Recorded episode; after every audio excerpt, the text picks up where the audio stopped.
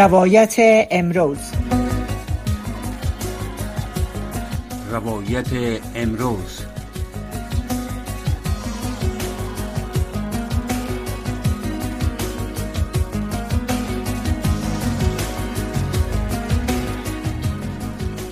بینندگان و شنوندگان محترم سلام. به برنامه روایت امروز خوش آمدین. نجیب خلیل هستم میزبان برنامه ای ساعت. طبق معمول ما همطور که می‌فهمین روز سهشنبه موضوع مرتبط به خانم ها را به بحث می‌گیریم. باید بگیم که امروز مصادف بس به روز جهانی پولیو یا فلج اطفال. سر از این مسئله صحبت می‌کنیم و همچنان یک مقدار سر خبرهای اخیر در مرتبط به زلزله زده های هرات که خانم ها دیروز گزارش داشتیم که با مشکل گرفتن یا رسیدن مواد امدادی یک مقدار محدودیت ها علیشان وضع شده. سعی مسائل به بحث می‌گیریم. از میمانه برنامه خود خانم محبوب جمشیدی فعال حقوق زن هستن. فکر می‌کنم روی خط هستن خانم جمشیدی سلام به شما. خوش آمدین به برنامه.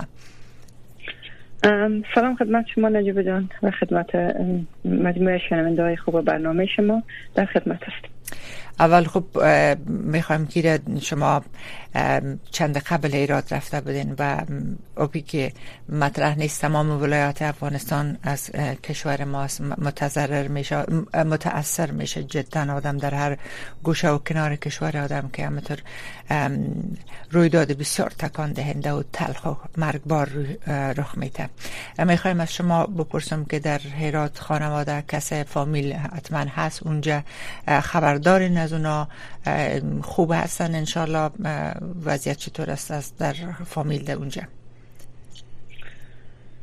نجیب جان خب در نخست ما هم عرض تسلیت دارم به تمام مردم افغانستان. دقیقا و بدون شک که هر گوشه از افغانستان از هم دیگر جدا نخواهد بود و پیکره یک, کشور و یک بدن هستیم ما همه. و تسلیت از می‌کنم برای عزیزای داغ دیدی که خانواده و عزیزا خود در حادثه علمناک از دست دادن واقعا فاجعه بسیار چی رقم بگم با پهنای بسیار وسیع و با بله. عمق بسیار زیاده که ما تنها فعلا داریم در این مرحله دست پنجه نرم می‌کنیم با چیزای خیلی استراری و عاجل و بله. که در مرحله اما بعدا اگر تاثیرات از ببینیم بسیار عمق از فاجعه زیاد هست و تاثیرات منفی زیاد می‌گذاره روی مردم هنوز هم مردم دست, دست پنجه نرم می‌کنن با شرایط ناگوار خب خانواده ما الحمدلله تا فعل حال خوب هستن اما خب اونایی که عزیزایی که دست داده هم اعضای خانواده ما بله. محسوب میشن بله. اما خب باور کنین تا به امروز صبح که ما با فامیل گپ زدم هنوز هم مردم روی کوچه ها و سرک ها بله. و آواره و در بدر با هوای سرد دارن به سر می‌برن با امکانات بسیار کم و بینظمی هایی که همیشه شامل حال ما و شما مردم در افغانستان بوده و هنوز هم ادامه داره در شرایط بحرانی هم همچنان. بله. بدون شک گزارش ها همه روزه به نشر می‌رسه. وضعیت تعداد کسایی که خانه خود از دست دادن اعضای خانواده خود از دست دادن در بسیاری مناطق می‌بینین که فقط دشت است. هوا سرد شمال خاکباد با کمترین با حد اقل یا کمترین کمک یا اصلا کمک هنوز در بسیاری جایا نرسیده. تل... گرچه که حکومت طالبان میگن که تلاش ها ادامه داره و کمک ها رسانده میشه. برحال پیش از که زیادتر سر از البته بحث خواد کردیم مگر ما مو موضوعی که در ابتدای برنامه گفتم که امروز روز جهانی پولیوس یا فلج اطفال که به اساس گزارش ها سال گذشته در افغانستان دو قضیه بود دو واقعه پولیو بود. متاسفانه امسال شش واقع پولیو را در افغانستان دیدن و یکی از دلایل که میگن خب به که امسال امی کارمندای سهیر خانم ها را خب در اطراف و اکناف کشور مردها را به خانه, به خانه های جزا نمیتن که مردا برده واکسین کنن. اکثرا خانم ها می‌رفتن که در اوجه تفلا را واکسین می‌کردن. یکی از دلایلش هم امیر میگن که یک افزایش رفته یعنی در جهان پیشرفته و دیارت که قدر شدید مبارزه روان هست. تقریبا محو شده بوده و امی شش, شش واقعه هم که هست زیاد است.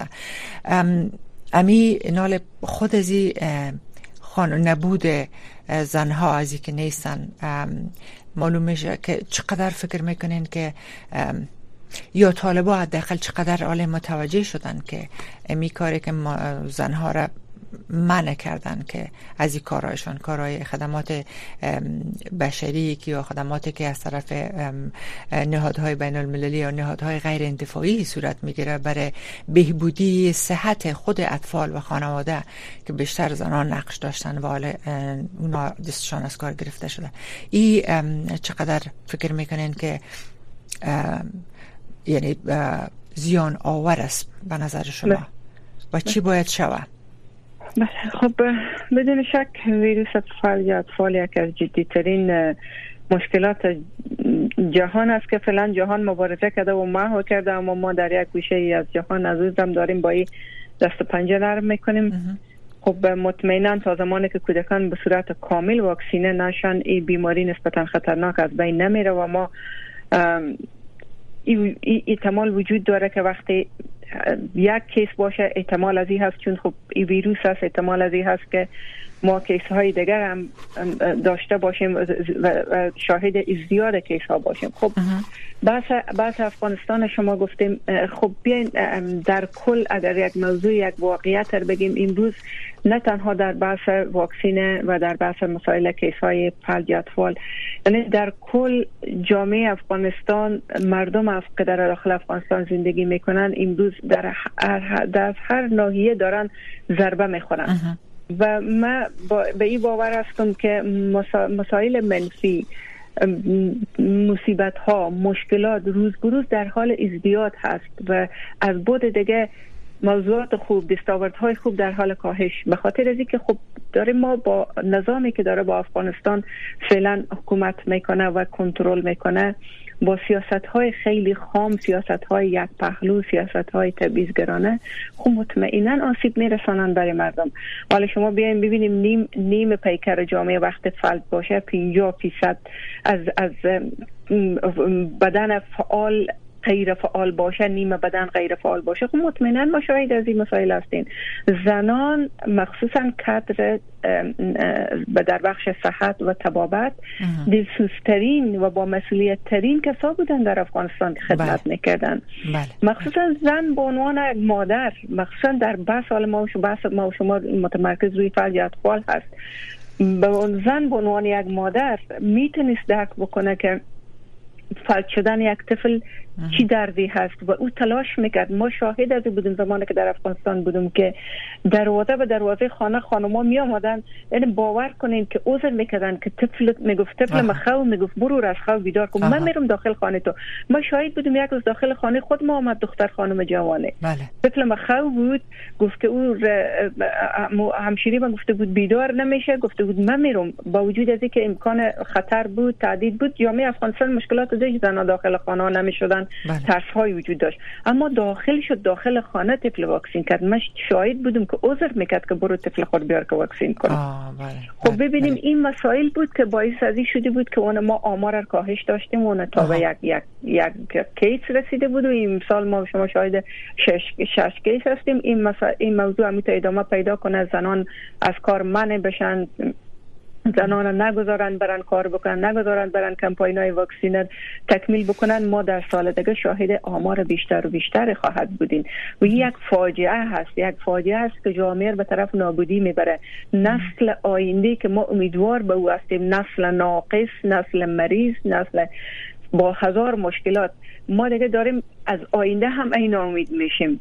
در حال هم خوب در ناامیدی به سر می‌بره کلا اون قضیه فاجعه بسیار زیاد است نجیب جان اگر فکر کنید. و متاسفانه اینها همه ناشی از این سیاست های خام از این سیاست های غیر انسانی و غیر اسلامی هست که دارن اینا به سر مردم به زور و به جبر دارن سیاست ها تطبیق میدن. و این هست نتیجه از که ما شما می‌بینید خانم جمشیدی یک سوال خلق میشه دقل در ای که وقتی کسایی که نمیمانند که اطفالشان واکسین شوه آیا اینا واقعا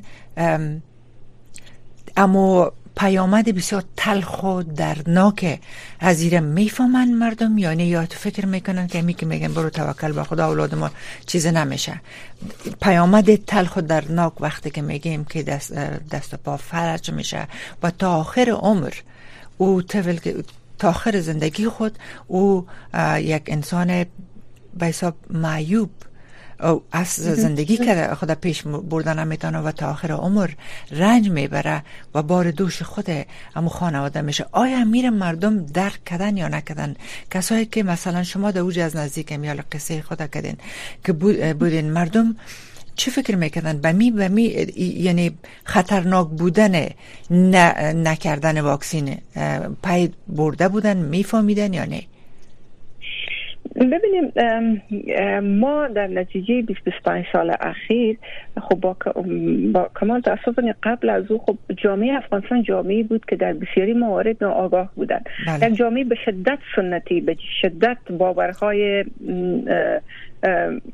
باورها به مسائل باور به مسائل خرافات خرافات پسند و به نحوی این خب مشکلات ما بود که. برگرفته از اون از اون بیسوادی و در برگرفته از اون فقر در جامعه حاکم بود. مسائل زیادی بود که این 20 25 سال اخیر قبل از آمدن این گروه در افغانستان به شدت تلاش ها ادامه داشت که جامعه آگاه بشن اطلاع رسانی بشه. کادر تیبی ما به شدت در دورترین نقاط می‌رفتن اطلاع رسانی می‌کردن آگاهی رسانی می‌کردن. ما شاهد از طریق اداره مرزنان که ما کار می‌کردم شاهد خود ما برگزار کننده ده ها کمپاین به خاطر آگاهی فامیلا و خانواده و بدلیل در مورد تنها در مورد مسائل پولیو فلج اطفال و عواقب دردناک از او و این مسائل از او به واکسین کردن و فایده هایی که واکسین داره ما ده ها کمپاین ما را اندازی کردیم. در در داخل خانه های رفتیم در ولسوالی ها رفتیم جمع کردن فامیلات و این بود که جامعه آگاه شده بود. کم کم او او, او برداشت ها و او چیزهایی که در ذهن از اینا بود که گویا واکسین اثرات بدتر روی طفل داره یا به قول شما توکل می‌کنین با خدا خدا خودی و مثلا می‌تونه که حفظ بکنه و بله. علاج بکنه و درد درد بده و درد پس بگیره و هر بله. چیزی به این باورها ما به مردم آگاهی دادیم ملت تلاش کرد که تا آگاه بسازه اینا که نه این مسائل خرافات هست بله. این خلاف تمام ارزش های اسلامی و انسانی هست اینجا بود که جامعه آگاه شده بودن بله. و دیگه آیسته آیسته روح می آوردن نه تنها در بخش فرج و پولیو و واکسین و دیگه در بسیاری مواردی که باور نداشتن بله. در بسیاری مواردی که اونها او خلاف سنت و دین و دیگه و دیگه میپنداشتن دیگه کم کم برای مردم روان شده بودن. اما متاسفانه بعد از این یک عقبگرد بسیار جدی و ترسناکی که دوباره افغانستان شاهد از شد. و من مطمئن هستم که آهسته آهسته دارن دیگه مردم باز پس میرن به او به داخل همون لاک که سابق بودن. و به خاطر از اینکه چیزهای دیگه حالا به خورد مردم میده. هنوز هم ما خیلی از مردمایی داشتیم که آسیب پذیر بودن. حالا میاین مثلا از بالا میشن از از تریبیون مساجد میاین. چیزهایی به خورد مردم میدن که فلانی چیز خلاف اسلام اسلام چیز نپذیرفته اسلامی رد می‌کنه چیزهایی به دروغ چیزهایی که کلا اشتباه هست. و اینجا هست که ما میترسیم که او تعداد از هموطنهای ما که هنوز هم به او باور و به آگاهی نرسیده بودن تحت تاثیر از این قرار از این صحبت ها قرار خواهد گرفتن و دوباره ما و شما باز شاهد وضعیت بدتر. این برمیگرده به آگاهی آگاه بودن جامعه. باید بله، تلاش بشه بله. جامعه آگاه بشه تا به باور برسه که چی کار باید درست انتخاب بکنه. بله بدون شک مسئله که پیشتر شما اشاره کردین که بسیاری مردم کسایی هستند که به می معتقد هستند که نه واکسین پا مانا نداره توکل به خدا می‌کنیم خدا نگاه می‌کنه. اما خود به شک خدا گفتم بر شما عقل دادیم. عقل دانه به کار پرتین وقتی که نمی‌تونه یک امراض موجود است که اطفال می‌گیره فلج میشه دست و پاشون کج میشه و به اسلام معیوب میشن. اینما برای خدا کسایی را که عقل دادیم از عقل خود کار گرفتن اینه میبر از اینمی تکلیف برای نمی امروز اینه واکسین پیدا کردن رای حلش پیدا کردن. و ما این رای حل وقتی که شما میگن نه دیگه با کمال امیدوار هستیم که مردم امی درک کنن. ایره بفهمن ما با یکی از خانم هایی که به سال قبل که مصاحبه داشتم فعلا اونا در کانادا هستن. اینا را واکسین نکرده بودن. خانوادهشان گفته بود که دختر است خانم دختر خانم. باز ای از می رنجی که در زندگی خود کلان شد اما درس خود ادامه داد. کوشش کرد با بسیار به مشکل را که میرن به صورت ناعادی را رفته نمی‌تونه.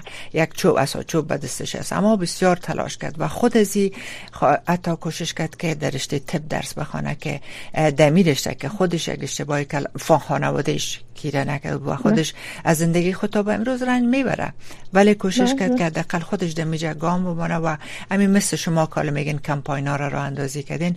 اون هم بسیب دکتر بود پروان در اینجا امی کمپاینا را را اندازی کرد و بسیار برای آگاهی مردم بسیار تلاش کرده بود. برای که نمی‌خواست رنج را که خودش می‌برد از زندگی خود دیگر آب ببرد دیگه هموطناش برحال امیدوار هستیم که مردم امیر درک کنن و اجازه بتن که و یکی خود مقام های حکومت امیر متوجه شوند خانوادهایی که متعصب هستن مردارا نمیمانند در خانه شد زنا خانمایی که کار می‌کردن می‌رفتن واکسین می‌کردن بر از اونا اجازه داده شود چرا واقعا؟ نسل آینده را تو که شما گفتین ناامید کننده می باشه اگر از صحت برخوردار نباشن از تعلیم برخوردار نباشن چی یک نسل می‌تونه باشه. دو موضوع دیگر که می‌خوایم سرش بحث کنیم. یکی که خبر دیروز بود که همی در قسمت مصیبت زده های زلزله در ایراد که کمک هایی که گفتن می‌رسه رسیده در ایراد برای توضیح از یک مقدار متاسفانه محدودیت ها گفتن در برابر توضیحش برای خانم ها وضع شده. به این دلیل که خانم ها باید که خود محرم باید داشته باشد. بر خود از اینا نمیتن ایناله با کمال تاسف یک تعداد زیاد از این خانم ها امو شورایشان از تلف شدن.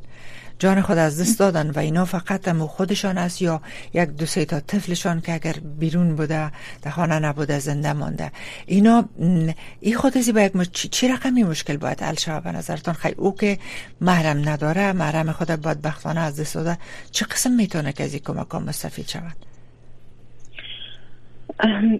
خب متاسفانه باوری که این مردم در افغانستان دارن به سیاست که این مردم دارن پیاده می‌کنن سر مردم مخصوصا در بحث زنان که خب همگی دنیا آگاه هست دنیا برای آگاه هست که زنان چقدر محدود کردن و در بسیاری موارد بحث محرم پیش می‌کشن. تا دیدیم که کاروان دخترای جوان ما که به خاطر تحصیل بیرون می‌رفتن که دانش و سطح دانش و تحصیل خود بلند ببرن متاسفانه اینا مانع رفتن از اونا شدن به دلیل از اینکه اینا محرم ندارن و خب در بسیاری موارد اونا محرم با خود برده نمی‌تونستن به دلیل از اینکه شاید کسی که این برنامه را اندازی کرده بود جزء پالیسی از اون نبوده بله. که یک فرد دیگه هم در کنار از از لازم مسائل بله. مالی و دیگه موضوعات باید تمویل بشه خب دیدیم که خب یک مثالی بود که در هر گوشه و کنار ما شاهد هستیم بله. حتی می‌بینیم که در مسائل تب و تبابت و صح سخت هم در بسیاری موارد مسائل محرم اینا در بین میارن افغانستان کشوری هست که در طول سالهای سال جنگ در بدری خود بسری تعداد زیاد فامیلا سرپرست مردای خانه را از دست دادن. شوراخ و پدراخ و برادراخ و بلازا بسیاری از فامیلا هست که زن سرپرست است زن ناناور خانه هست. اینجا هست که این به این معنی که روی از او یک چلیپای کشیده میشه یعنی, یعنی به نحوی دست رد به زندگی از انسان زده میشه. وقتی اون محرمی نداشت مرد در پلوی از نبود نه نباید او زندگی بکنه. و این معنی میده در حقیقت. و این روز که ما در این فاجعه مصیبت بار هم که روبرو شدیم در اینجا هم میاییم که نمیاین به عمق قضیه فاجعه سعی کنن نمیاین ببینن که مردم داره چی می‌کشه. میاین هنوز هم همون ذهن پوچی که دارن و همون چیزی که در ذهن خالی از اینا میگرده این میان روی مردم تنویل می‌کنن که تو محرم نداری محرم شرعی نداری در کجای شریعت گفته شده که یک زن داره از گوشنگی میموره اولادای از به سر آوارن از گوشنگی میمورن. او باید مرد پیدا بکنه که اون مرد بیای لقمه یا یک کمک بگیره و بیاره کنه از, از, از گوشنگی تلف نشن. متاسفانه وقتی سیاست از اینا هم چیزی میطلبه این جای شکی نیست که در هر مورد ما با این, با این مشکل با این معضله روبرو نشیم. بله. به خاطر که اینها به این با به می باور هستند که باید همین رقم باشه. این چیزی است که دستاورد از اینا هست به قول خود از اینا. که دارن مردم مثلا کشور دارن به سمت سوی میکشانن که حکومت صد درصد خالص اسلامی جاری بکنن. این به باور خود از اینا. اینا به این باورمند هستند و پایبند هم هستن متعهد هم هستن که انجام میدن و دادن. چند سال از میگذره می‌بینیم که ما روز به روز تون روی زیادتر میشه روز به روز محدودیت ها بر زنها بیشتر میشه. و در اینجی هست که نباید ما شک بکنیم که و یا نباید سوال پیدا بشه که چرا اینا ای کار می‌کنن. اینا حتما این کار می‌کنن. خاطر که باور دارن به این. و این نمی‌تونه شک در وجود داشته باشه که فعلا در این وضعیت اما یک گروپی از خانم هستن که ما با اونا به تماس هستم که شجاعانه میرن در این وضعیت هم میرن کمکار میرسونن در دور دسترین و اما اونا با دل آرام هم نمیرن. و بله. ترس هم در وجود از اونا هست. وحشت هم در وجود از اونا هست. از تهدیدها هم متوجه از اونا هست. اما نمی حراسن و من افتخار می‌کنم باز قهرمانا که در این شرایط سخت به, به کوشش می‌کنن که به کمک هموطنا خو به کمک زنایی که در دیدن به کمک از اونا بشتابن و کمک بکنن اونا بله. به جای افتخار است. بله. خانم جمشیدی یک چیزی که از متاسفانه از میخوی زلزله بسیار دامنادار شد چندین بار تکان داد هرات. در امو ابتدا با یک تعداد از خانم های فعاله که در هرات بودن صحبت کردم. اینا معلوم دار همونطور که شما گفتین بسیار شدید تلاش می‌کردن و ارزوی زیر داشتن که براین از خانه و برن کمک کنن. اما می‌گفتن که خب اجازه نداریم و موقع نمیتن اما یک چیزی را که بر ما گفتن ای بود که در امو نه تنهایی که در خود در هیرات از محصلین فاکولته طب که دخترا که تا سنف چهار و پنج محصلینشه.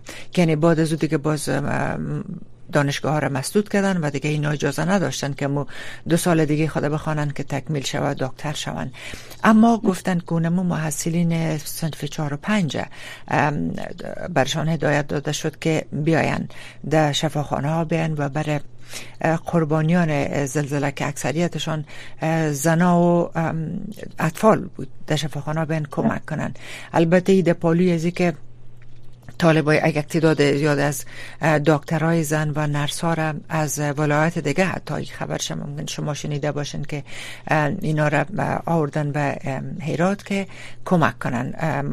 با کمال تاسف هم که شما گفتن عمق فاجعه بسیار زیاد بود. رسیدگی بسیار مشکل بود و مخصوصا وقتی که اکثریت قربانیان از اکثریت زخمیان زنا بودن. به نظر شما آیا فکر می‌کنین که حداقل در همه دمی با اینمی تجربه که می‌بینیم و طالبا فکر می‌کنین که به این نتیجه خواد برسن که موجودیت یعنی درک کنن موجودیت زنه در شامل قوای کار یا مثلا که زن چقدر مهم است که اینا باید دکتر باشن نرس باشن.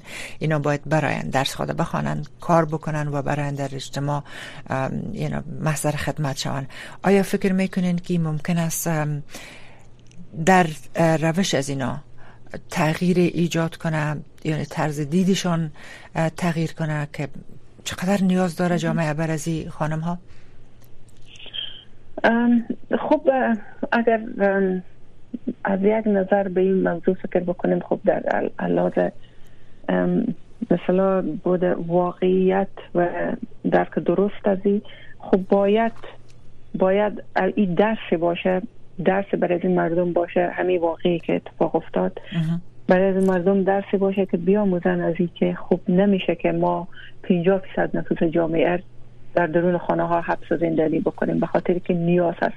چون خود از این مردم بی باور هستند که یک, یک زن مثلا نباید دکتر مرد یک زن ویزیت بکنه و ببینه و معاینه بکنه. بله. و این بی باور هستن که این خلاف مثلا همو, همو موضوعات با باوری که دارن و عقیدی که دارن به هر چیزی. وقتی که این موضوع درک می‌کنن باید دیرم درک بکنن که خب وقتی که ما جلو خانوما رو می‌گیریم و دخترها رو می‌گیریم که تحصیل نکنن درس نکنن بله. پس این بقیه کسایی که هستن و اینا کی باید رسیدگی بکنن؟ تنها بحث مسائل توابت نیست در بحث تعلیم و تربیه و در همه موارد نیاز هست.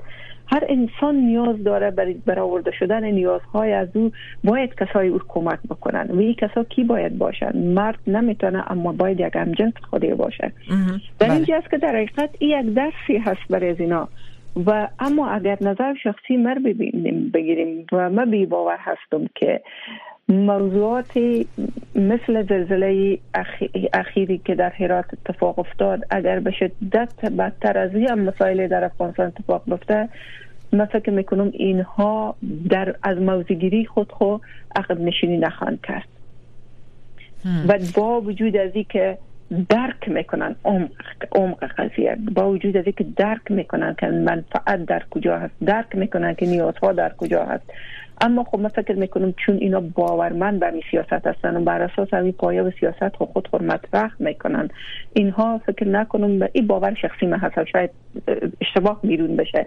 اما من به این باور هستم. چیزی بر من که می‌فهمم این هست که فکر نکنم اینا عقب نشینی بکنن. و فکر نکنم تغییرات این مسائل تغییری در سیاست های از اینا بیاره. تغییر به جهت مثبت بله حداقل در قسمت مثلا خود از اینا خانواده هایشان خانم هایشان دخترایشان مادرایشان خب اینا جوری و ناجوری هست تکلیف می داشته باشن. اگر وقتی که اینا به شفاخانه میرن خب معلوم دار نمی‌خواین دکترای مرد ببینه خانم هایشان یا مادرایشان بله. یا زنای خانوادهشانه. بنان موجودیت دکتر همطور که شما گفتین وقتی که دکتر زن اگر مکاتب دانشگاه ها مسئول باشه و اینا نتونن ادامه بدن. پس در نهایت چی میشه؟ تا چند سال دیگه دکتر فارغ نخواهد شد و که نمیشه. در حال من یک چیز خب امیدوار هستم ما یک از کسایی که تازه از افغانستان برگشت امی مسئله گفت وقتی که داخل افغانستان شد و میدان هوایی مثلا خانم ها را دید که کار می‌کردن یا در بیرون هم که رفته بودن مثلا در رستوران ها دخترها گروپ کی می آمدن خب منتها یک چادر به سرشان می بود یعنی گاهی میگن که با اونمو شکل که میگن قیودات هست اینا آنچه که او چشم دید از این کس بود این نفر که آمده با او شکل نیست. ولی بدون شک شکل نیست که مکاتب مسدود است دانشگاه ها مسدود است خانم ها اکثریتشان کار نمی‌کنن و این مشکلات است امیدوار هستیم که یک روز شرایط بهتر شود. فکر در لحظات آخر برنامه رسیدیم. یک جهان تشکر از شما خانم جمشیدی. امیدوار هستم که از هیرات هم بار دیگه یک صحبت می‌کنیم. شرایط بهتر شده باشه خبرهای خوب باشه تلاش های جامعه بین المللی زیاد است. از افغانای خود ما چه در داخل چه در خارج اینا تلاش ها می‌کنن که حداقل برای ساختن سرپناه برای کمک ها زیاد می‌بینم میشنم که جریان داره. امیدوار هستیم که یک روز شرایط بهتر شود. بازم جهان سپاس از وقت شما. انشالله در آینده بازم با شما به تماس خواد بدیم ممنون شما شاید سلامت باشین خدا نگهدارتان.